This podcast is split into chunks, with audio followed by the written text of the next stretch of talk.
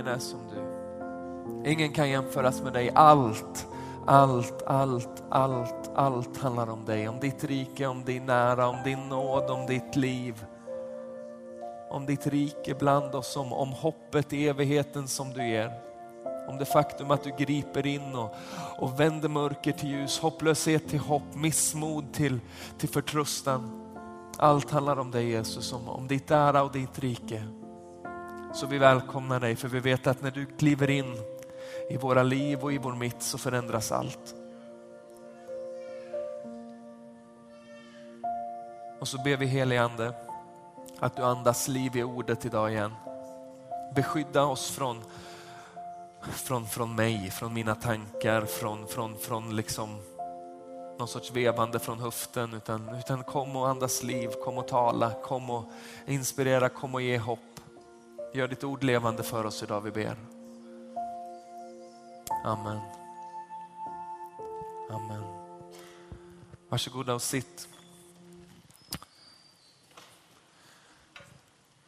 Alfred heter jag, för er som inte känner mig. Jag är en av de som har, har förmånen att få arbeta i den här församlingen. Och nu kanske det är en del som känner sig lite stressade och, och, och, känner att gör han inte sin serie i augusti varje år, är det inte då han predikar? Så, så vill jag säga att det här, det här är en, en fristående predikan som inte har något med, med serien att göra, utan den återkommer vi till eh, senare. För er som kände att nu hängde jag inte med på vad som hände, så är det inte så märkligt. Uh, jag är gift med min fru, jag är pappa till mina barn och uh, Nog om det. Mår ni bra? Det är svårt att svara på kollektivt, men får ta det för vad det är. Michael ringde och frågade Daniel i, i fredags här hur mycket vatten jag vill ha framställt. Han har noterat att jag är en törstig rackare. Två kannor beställde jag, fick knappt en. Men, men. Så är det. Man får vara glad för det lilla. Ja. Jag tror vi får be igen så vi hittar in i det här. Herre, hjälp. Amen. Bra. De senaste veckorna eller senaste året åtta månaderna så har, vi, så har vi levt i någon sorts rörelse utåt. Vi har gång på gång återvänt till detta oikos som, som Daniel nämnde. Hela tanken om att kyrka kanske inte går ut på att vi gör en, en stor häftig gudstjänst som alla kommer till och så är det upp till pastorn och på något sätt leverera liksom ett snyggt förpackat evangelium och, och så är vår roll som, som församling att, att bjuda med, utan det, det, skulle kunna vara så att Jesus har, har en uppgift för var och en av oss. Att det här som vi kallar kyrka är, är för alla, att lärjungaskap är att alla går ut. Ni känner igen tankarna och, och ni kan se att det finns någon sorts koppling eh, mot, med, mot Bibeln i det. Va? Det känns inte helt främmande teologiskt. Men i den rörelsen utåt så... Oh, när de här fläktarna tystar. Det är som att komma till himlen. Jag blir alldeles lycklig. I den här rörelsen utåt så blir någon som är funtad som mig lite stressad. Jag, jag, är ganska verbal, jag pratar mycket men jag är introvert. Eh, det betyder att jag är rädd för människor jag inte känner, kan man säga. Det stressar mig att lära känna nya människor och tanken då på att jag på något sätt ska gå ut och leta efter fridens man och stanna i deras hus i två dagar, det är ju, det är ju en mardröm utan dess like. Och för er som inte är liksom så evangelistiskt lagda och liksom känner att nya människor, det är det jag lever för. Det är det som liksom får mig att tända på alla cylindrar. För er som inte är sådana kan nog känna igen er i att det här låter rimligt. Eh, jag fattar att det stämmer överens med Guds ord, men det gör mig lite nervös också. Det gör mig lite stressad också, det här med att jag liksom faktiskt ska berätta för någon vad jag har varit med om och, och hela den grejen. Är det någon som kan känna igen sig i det mer än jag? Att det är lite så skrämmande. Vad skönt. Det är också främmande för de sortens människor att lyfta handen, så det var fint, fint av er att, att göra någon sorts smygare lite framför så. De människorna som gärna går ut, det är de som viftar så här. De som inte vill, det är de som är så försiktigt. Jag är en av dem.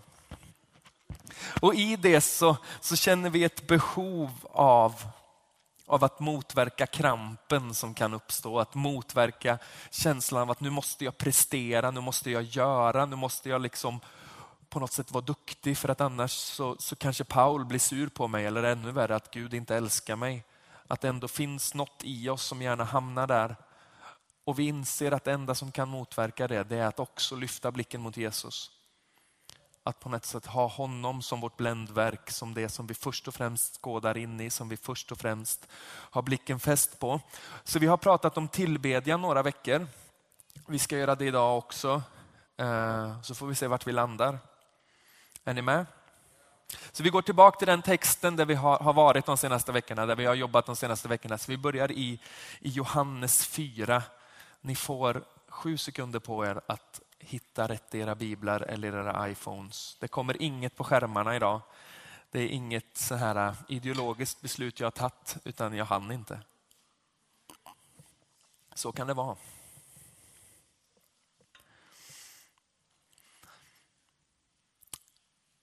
ifrån vers 1. När Jesus fick veta att fariseerna hade hört att han fick fler lärjungar och döpte fler än Johannes, även om det inte var Jesus själv som döpte utan hans lärjungar, så lämnade han Judeen och vände tillbaka till Galileen. Han måste då ta vägen genom Samarien och han kom till en samarisk stad som heter Sykar, nära den mark som Jakob gav till sin far Josef. Där fanns Jakobs brunn. Jesus som var trött efter vandringen satte sig där vid brunnen, det var omkring sjätte timmen. Då kom en samarisk kvinna för att hämta vatten. Jesus sa till henne, ge mig lite att dricka. Hans lärjungar hade gått bort till staden för att köpa mat. Den samariska kvinnan sa till honom, hur kan du som är jude be mig, en samarisk kvinna, om något att dricka? Judarna umgås nämligen inte med samarerna. Jesus svarade henne, om du kände till Guds gåva och vem det är som ber mig, ge mig lite att dricka. Då skulle du ha bett honom och han hade gett dig levande vatten. Hon sa, Herre, du har ingen kruka och brunnen är djup, så varifrån får du det levande vattnet? Är du större än vår far Jakob? Han gav oss brunnen och drack ur den själv, likaså hans söner och hans boskap. Jesus svarade henne, den som dricker av det här vattnet blir törstig igen, men den som dricker av det vattnet jag ger honom ska aldrig någonsin törsta. Det vattnet som jag ger blir en källa i honom med vatten som flödar fram till evigt liv. Kvinnan sa till honom, Herre ge mig det vattnet så att jag slipper bli törstig och gå hit och hämta vatten. Han sa, gå och hämta din man och kom hit. Kvinnan svarade, jag har ingen man. Jesus sa, det stämmer som du säger att du inte har någon man. Fem män har du haft och den du har nu är inte din man. Det du säger är sant. Kvinnan sa, Herre jag förstår att du är en profet. Våra fäder har tillbett på det här berget, men ni säger att platsen där man ska tillbe finns i Jerusalem. Jesus svarade, tro mig kvinna, det kommer en tid när det varken är på det här berget eller i Jerusalem som ni ska tillbe Fadern. Ni tillber vad ni inte känner, vi tillber vad vi känner eftersom frälsningen kommer från judarna. Men det kommer en tid, och den är redan här, när sanna tillbedjare ska tillbe Fadern i ande och sanning. Sådana tillbedjare vill Fadern ha. Gud är ande och den som tillber honom måste tillbe i ande och sanning. Kvinnan sa till honom, jag vet att Messias ska komma, han som kallas Kristus. När han kommer ska han berätta allt för oss. Jesus, Jesus sa till henne, det är jag, den som talar med dig.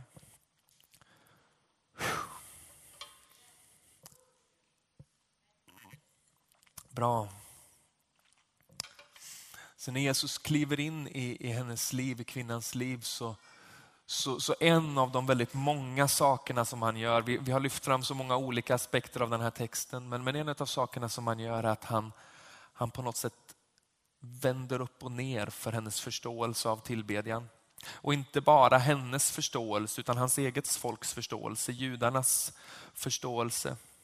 Han avslöjar att det som Fadern nu söker är någonting annat än, än det som han upp till den här punkten får.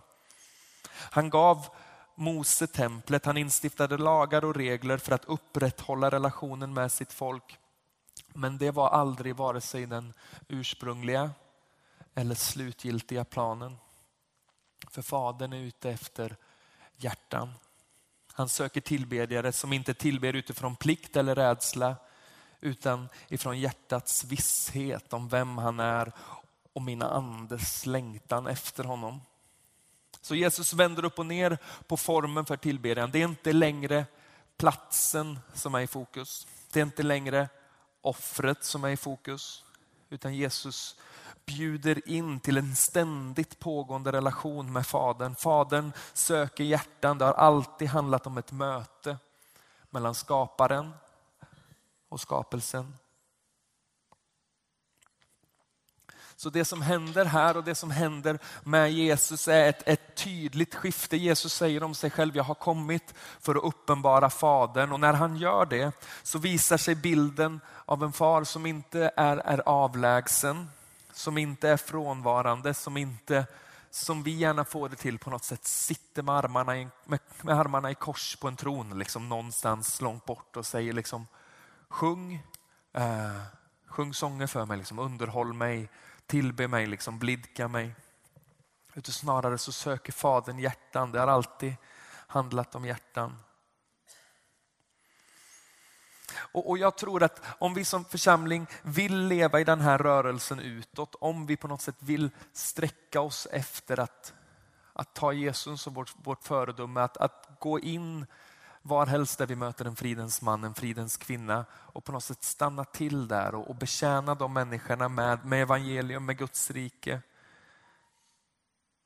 Så behöver vi också på något sätt gå in i en tid där vi ännu mer lever med tydligt fokus uppåt.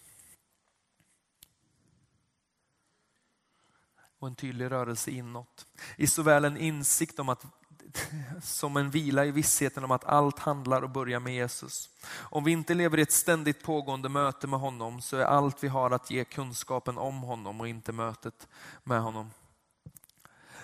Så någonting skiftar i och med den här texten. Någonting skiftar i hur Jesus förhåller sig till tillbedjan. Han säger det är inte längre liksom så superintressant var det sker. Det handlar inte om här eller där. Liksom. Det handlar inte riktigt om, om formen längre utan det handlar om någonting, någonting inre, liksom något som handlar om, om hjärtan som möter hjärtan. Och Jag tänkte att vi skulle kolla på två bibeltexter som, som i min värld på något sätt kompletterar varandra och speglar varandra. För, för att få en, någon sorts bild av eh, det paradigm som kvinnan lever i, liksom det gammaltestamentliga paradigmet. Och sen Paulus som lever i, i det nya liksom, förbundet. Bara för att eh, trixa lite med det här. Orkar ni med det? Så vi kan börja i tredje Mosebok. Eh, vad gött att jag inte har skrivit upp vilket kapitel det är. Kapitel 6 tror jag. Det är en sån här text som när man slår upp den så tänker man att han sa nog fel. För ibland tittar man på texter och känner att det här var ju inte så spännande. Det är en sån text vi ska till. Så är det så det ser ut när ni tittar ner på, på, på raderna så, så, har ni hittat rätt. Eh, vers 8. Jag tror rubriken är brännoffret, i alla fall i folkbibeln. Så det kan ni ju leta efter. Är det 6 då? Kolla. Vet. Det är roligt att jag minns något. Herren talade till Mose. Han sa Ge Aron och hans söner denna befallning. Detta är lagen om brännoffret. Brännoffret ska ligga på altarets härd hela natten till morgonen och elden på altaret ska därigenom hållas brinnande. Prästen ska klä sig i en livrock av linne och ta på sig benkläder av linne närmast kroppen. Han ska ta bort askan efter brännoffret som elden har förtärt på altaret och lägga den vid sidan av altaret. Sedan ska han ta av sig kläderna och klä i sig andra kläder och föra bort askan till en ren plats utanför lägret. Men elden på altaret ska hållas brinnande och får inte slockna. Varje morgon ska prästen där antända ny ved och ovanpå veden ska han lägga brännoffret och bränna fettstyckena av gemenskapsoffer. Elden ska alltid hållas brinnande på altaret, den får inte slockna. Det är lite den känslan, va? det här var nog inte rätt text. Det är inte så där glasklart när man läser det. Så det som händer är att Gud ger Mose en instruktion som han ska ge till Aron för, för hur det här ska gå till. De har börjat på något sätt instifta någon sorts tempelgrej. Och i templet så är det ordningar och regler, liksom sätt att förhålla sig till Gud och sätt att offra. Och, och det är väldigt liksom noga att det här blir rätt. Och, och allting bli noga för det finns ett stort behov av att skilja på det som är rent och det som är orent, på det som är heligt och det som är oheligt. Och det jag tänkte att vi skulle trixa lite med i den här texten, det är, det är kläderna. Var det någon som kände att det visste jag? Jag visste att det var kläderna det handlade om. När prästerna kliver in i Guds närvaro så för det med sig vissa moment. Någonting måste ske för att de ska kunna kliva in i levande Guds närvaro.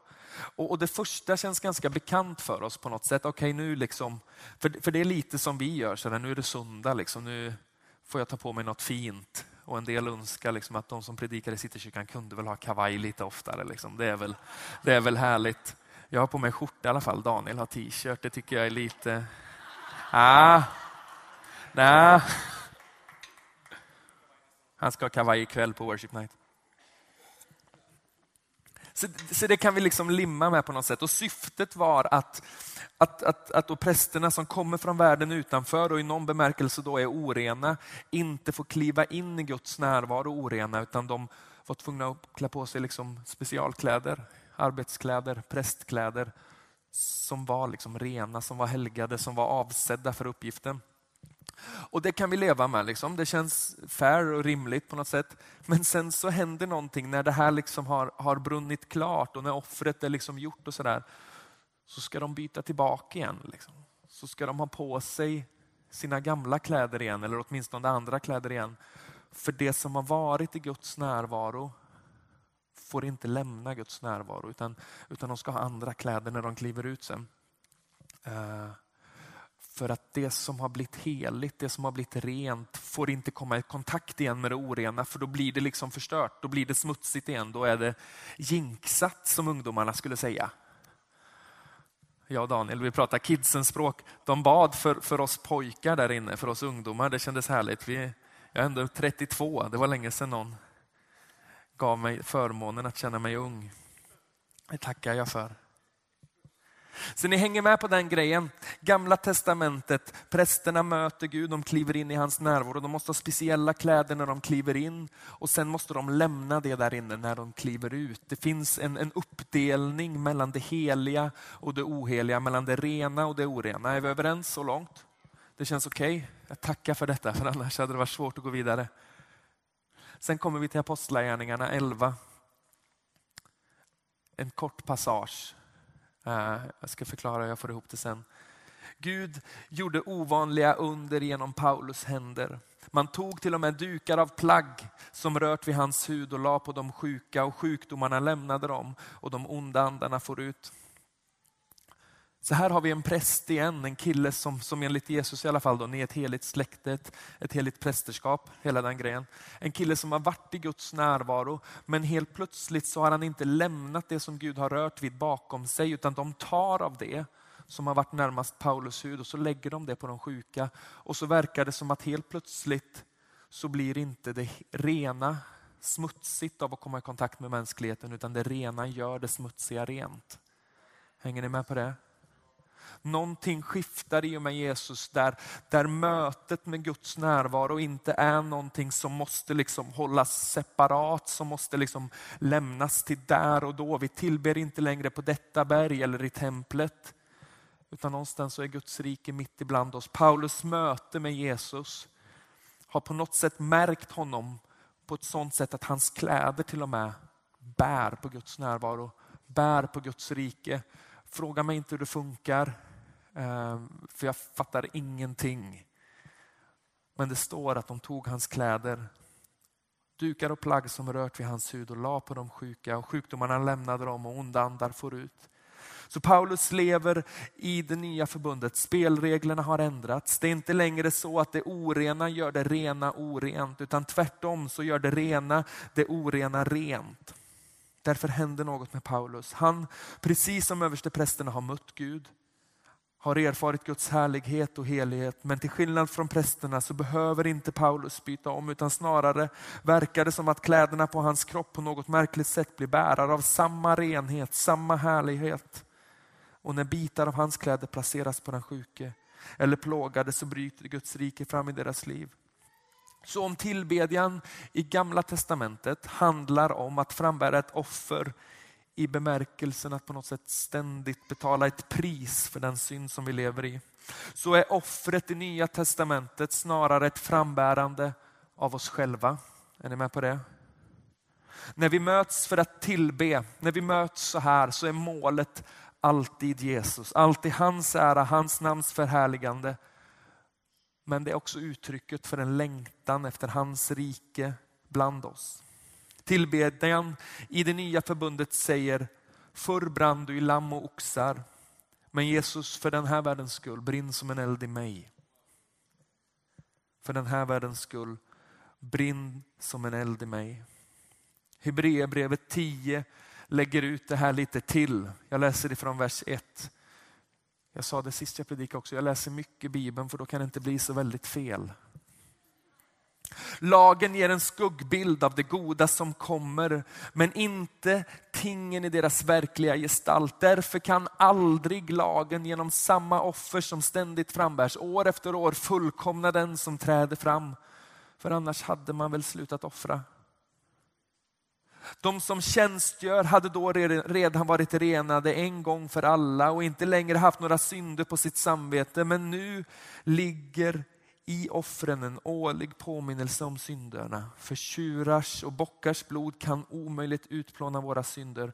Därför säger Kristus när han träder in i världen, offer och gåvor ville du inte ha, men du har berett mig en kropp. Brännoffer och syndoffer gladde dig inte. Då sa jag, se jag har kommit för att göra din vilja Gud. I bokrullen står det skrivet om mig.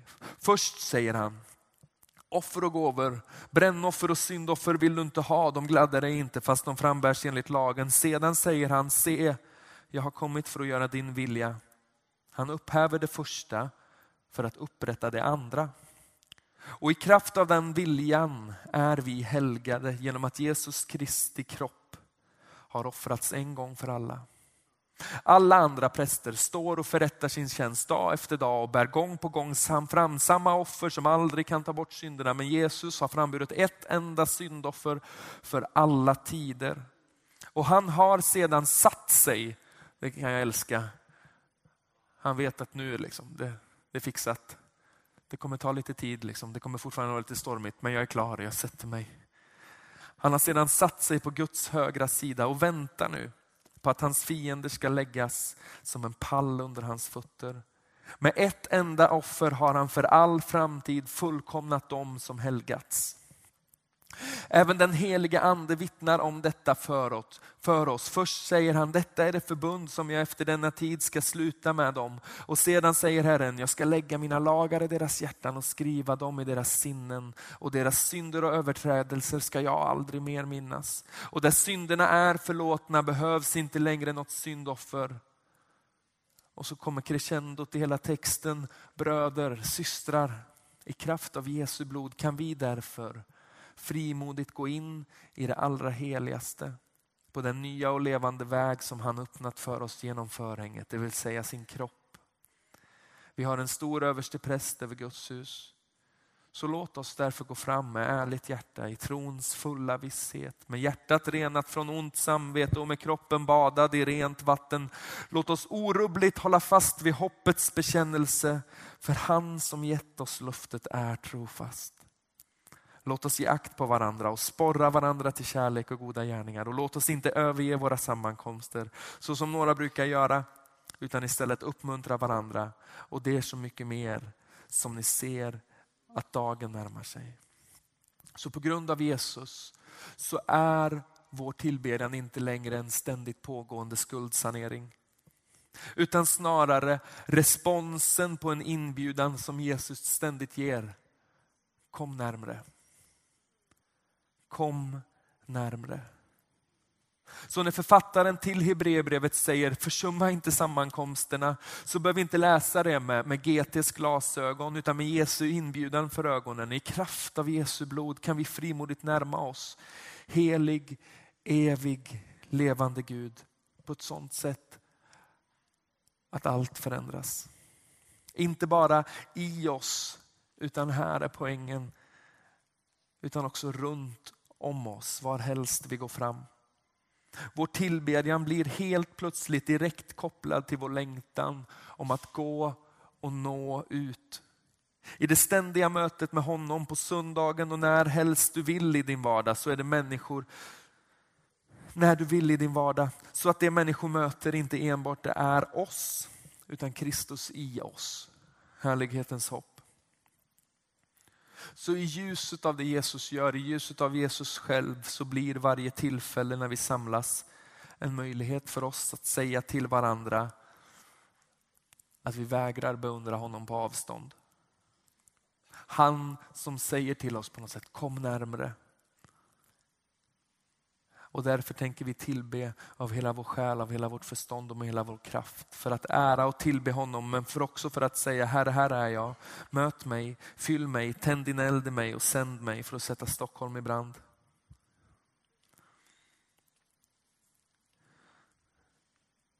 Så på samma gång som vi på något sätt slår på trumman av att det är dags att gå nu. Det är dags att och tro Jesus liksom när, han, när han säger gå. Liksom, jag ska göra er till människofiskare, gå.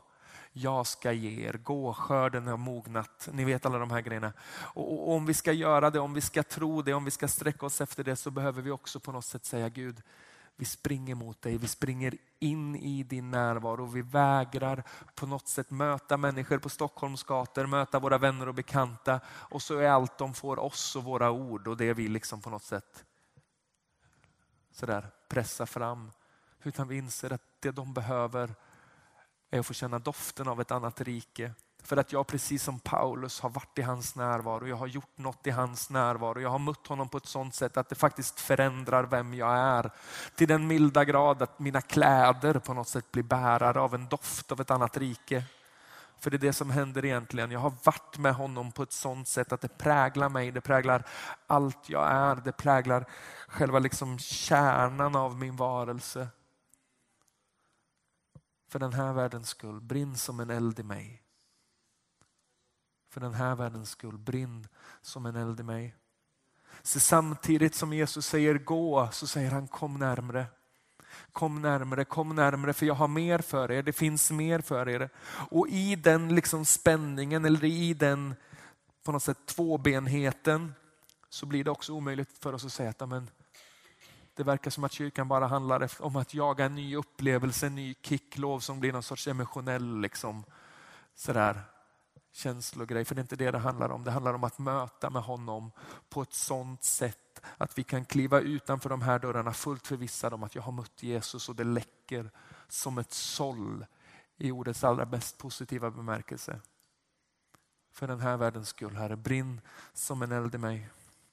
Och det är därför som Romarbrevet 12 på något sätt hamrar oss i huvudet och säger så förmanar jag nu er bröder och systrar vid Guds barmhärtighet att frambära era kroppar som ett levande och heligt offer som behagar Gud, er andliga gudstjänst och anpassa er inte efter den här världen utan låt er förvandlas genom sinnets förnyelse så att ni kan pröva vad som är Guds vilja, det som är gott och fullkomligt och som behagar Gud.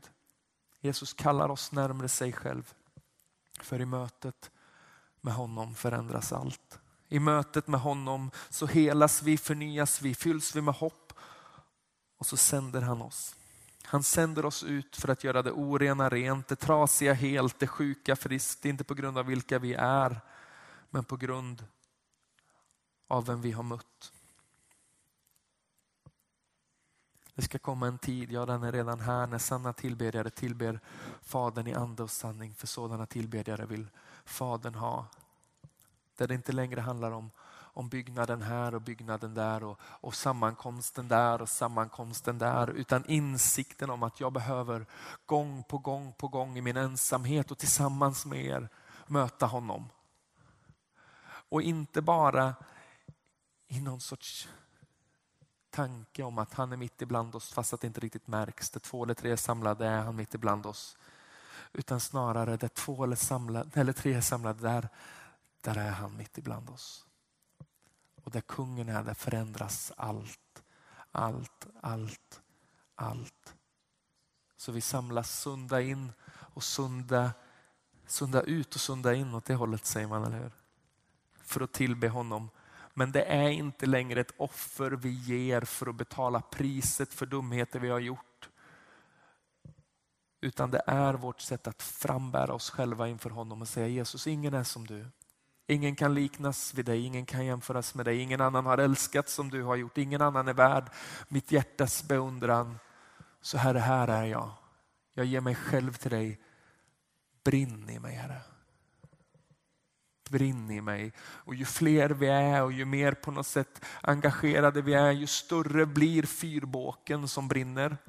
Ju hetare brinner det. Ju längre når värmen, ju längre når ljuset. Hans Johansson som har flyttat hem nu, en, en teolog inom Örebromissionen sa att tillbedjan är inte verklighetsflykt, det är verklighetsterapi. Vi smakar någonting i hans närvaro som, som sedan sänder oss. Som sedan på något sätt skickar oss ut i en värld som lever i mörker. Därför tillber vi, därför tar vi gott om tid för tillbedjan varje gång vi möts. Inte för att Gud kräver det, inte för att betala av på det här nya livet som vi har fått. Utan för vi inser att hjälp vad jag behöver Jesus. Hjälp vad jag behöver möta honom idag. För min egen del, men också för, för varje människa jag möter ute på gatorna i den här staden. Hjälp vad jag behöver Jesus. Kristus i oss, härlighetens hopp. Om inte jag får möta honom, om inte jag på något sätt får, får storma mig in i hans närvaro, om inte jag får tränga mig in hela vägen fram till tronen för att möta honom gång på gång, så är det bara Alfred. Det är allt jag har att ge och det är som ni märker kul en liten stund och sen så blir man lite mätt. Men om det jag kommer med är hans närvaro, hans härlighet, hans liv. Då blir det åka av. Så vi kommer fortsätta att tillbe och vi kommer fortsätta tillbe med iver för så länge det finns mörker som inte flyr när vi går fram så har vi ett behov av att möta honom djupare. Så länge det finns sjukdom som inte böjer knä för namnet Jesus så har vi ett behov av att möta honom djupare. Så länge det finns människor runt omkring oss som plågas av ångest och depression så har vi ett behov av att möta honom djupare. Så vi springer mot Jesus och vi gör resan tillsammans. Det är därför vi samlas, för att på något sätt gemensamt säga Herre, hur ser det ut om du fullständigt får komma med din eld över en grupp människor? Hur ser det ut om din närvaro är det som är primärt för oss? Hur ser det ut om vi vägrar nöja oss som Jakob med mindre än att du välsignar oss? Inte för våran skull, men för den här världens skull. Brinn som en eld i mig. Brinn som en eld i oss. Förstår ni vad jag far efter? Det händer någonting med oss i Guds närvaro. Det händer någonting när vi tillber. Vi lever i det nya förbundet och det heliga måste inte skiljas från det orena. Utan vi möter honom, han präglar oss och sen så kliver vi ut i världen, rakt ut i skiten. Och så gör vi det smutsiga rent. På grund av vem som bor i oss, på grund av vem vi har mött. Därför är vi inte rädda. Därför fruktar vi inte, därför tar vi inte avstånd för, från världen, för världen behöver oss och vi springer rakt emot den. Det finns mycket som inte är så roligt, det finns mycket som inte är så bra. Och just därför så går vi åt det hållet. Just därför drar vi oss inte undan, just därför så vägrar vi gömma oss. Men vi samlas för att möta honom och när vi har mött honom så går vi ut. Ska vi stå upp tillsammans?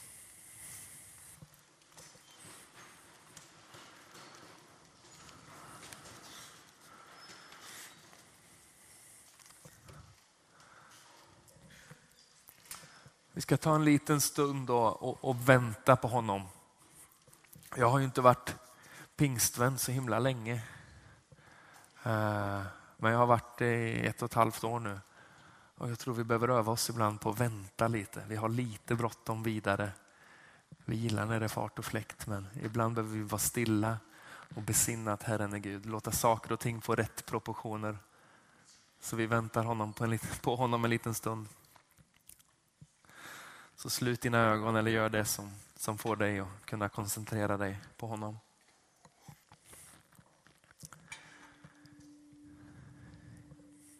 Helig, evig, levande, allsmäktig Gud. Kom. Ta plats mitt ibland oss. Helige Ande, kom.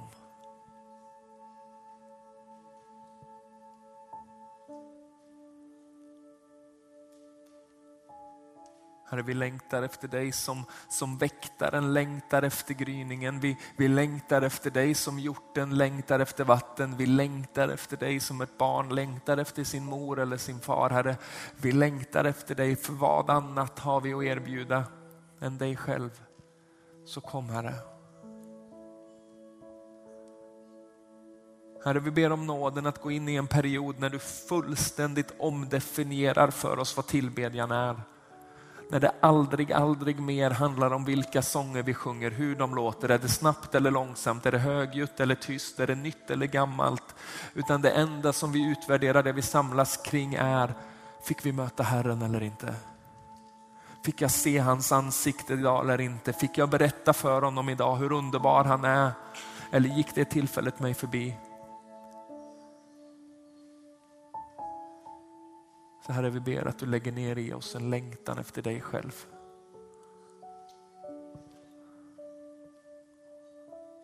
Och så ber vi om mod och frimodighet att tillbe dig som att allt hänger på dig.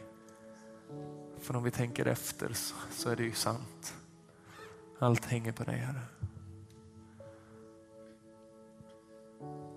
Så kom helige Ande.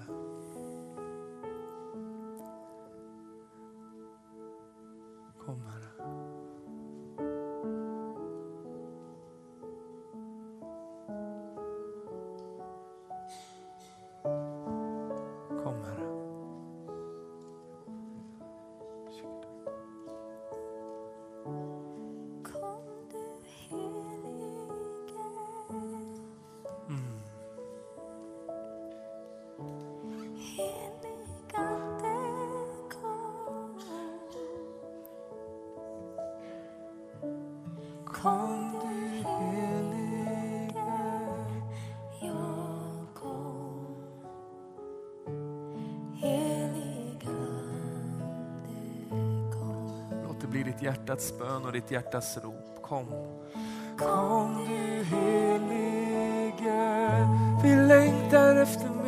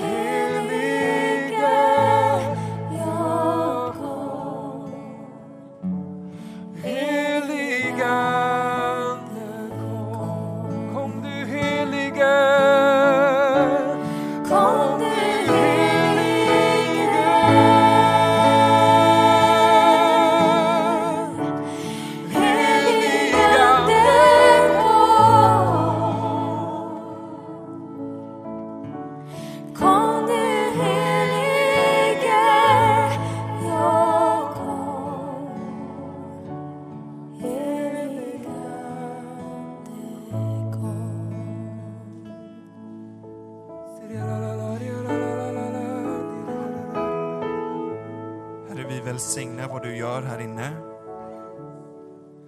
Eh, vi vill ha mer, vi ber om mer helige Ande. Bara fortsätt vara i, i bön och tillbedjan. Och medan du är det så skulle jag vilja dela några kunskapens ord. Vi, vi brukar träffas innan gudstjänsten och be. Eh, och även under gudstjänsten så är det som att Gud talar. Och vi tror att med, med det som eh, Alfred predikar om så tror vi att det är, eh, att det är en viss av oss, det, Gud tänder en längtan i så många av oss här inne. Och jag tror bara han, han, vill, han vill ge dig tillåtelse att vara längtansfull. Det är okej okay att längta efter honom. Vi tror också att det är många som, som inte har känt sig brinnande på länge. Men du har lagt väldigt mycket kraft och energi på att kväva elden. För eld, det är liksom inte skapat för att släckas. Man ser på nyhetsprogram i Australien, Kalifornien och hur stora skogar bränns ner. Och brandmännen lägger ner så mycket energi och kraft på att släcka fast det ändå inte går. Och missförstå mig rätt, men det är som att Herren bara just nu tänder en gnista. Och det är som att han säger, släck den inte, låt det få brinna. Så Herre, vi ber för varje hjärta som, som tänds här inne. Vi ber, vi, vi ber, fyll på med mer. Kom och sätt hela det här huset i brand, Herre. Kom, tänd en eld i oss. Bara tillåt det, tillåt det få brinna, hur den ger sig uttryck. Om det ger sig uttryck i längtan efter mer av honom. Det kanske är en familjemedlem du börjar tänka på. Fortsätt, tillåt dig själv att fortsätta brinna. Se hur, hur gnistan blir från ett ljus och sprider sig vidare. Fortsätt att brinna heligande. Låt din eld ta över hela vår omgivning och allt som vi är. Lär oss att inte vara, var rädd, rädda för elden. Jag skulle vilja välkomna förbönsteamet fram också på, på min vänstra sida här. Eh, och eh, vi tror att om du, att det är några som har, om, du, om du har ont i eh, smärta i ögonen, eh, och även migrän. Det kan vara kopplat till, eh, till samma, men det kan också vara två olika saker. En kraftig migrän eh, som gör att du inte kan sova på kvällarna. Eh, ont i, eh, i någon av dina fötter. Det har ont just nu när du står upp, så, så påminns du om hur ont du har i dina fötter. Vi skulle gärna vilja be för dig. Och sen även det du känner, om det är så att Gud fortsätter att göra någonting, den här längtan som är, som är i ditt hjärta, låt oss bara få fira det och välsigna det. Så förbundsplatsen är öppen, så kommer vi fortsätta att vara i tillbedjan. Vi tror också att det, om det är någon här som behöver vishet i ett val eller vishet i hur du ska gå tillväga när du, när du sträcker dig ut med din eld i din omgivning, du behöver vishet i det, eller all form av vishet. Vishet i ett, i ett affärsbeslut eller på något annat sätt så skulle vi jättegärna vilja be tillsammans med dig. För vi vet att, när vi, att vår Gud är en god Gud och när vi ber honom om någonting så svarar han. Så Herre, vi fortsätter att bara vara i dig. Kom, brinn som en eld i oss. Brinn mer och mer. I Jesu namn.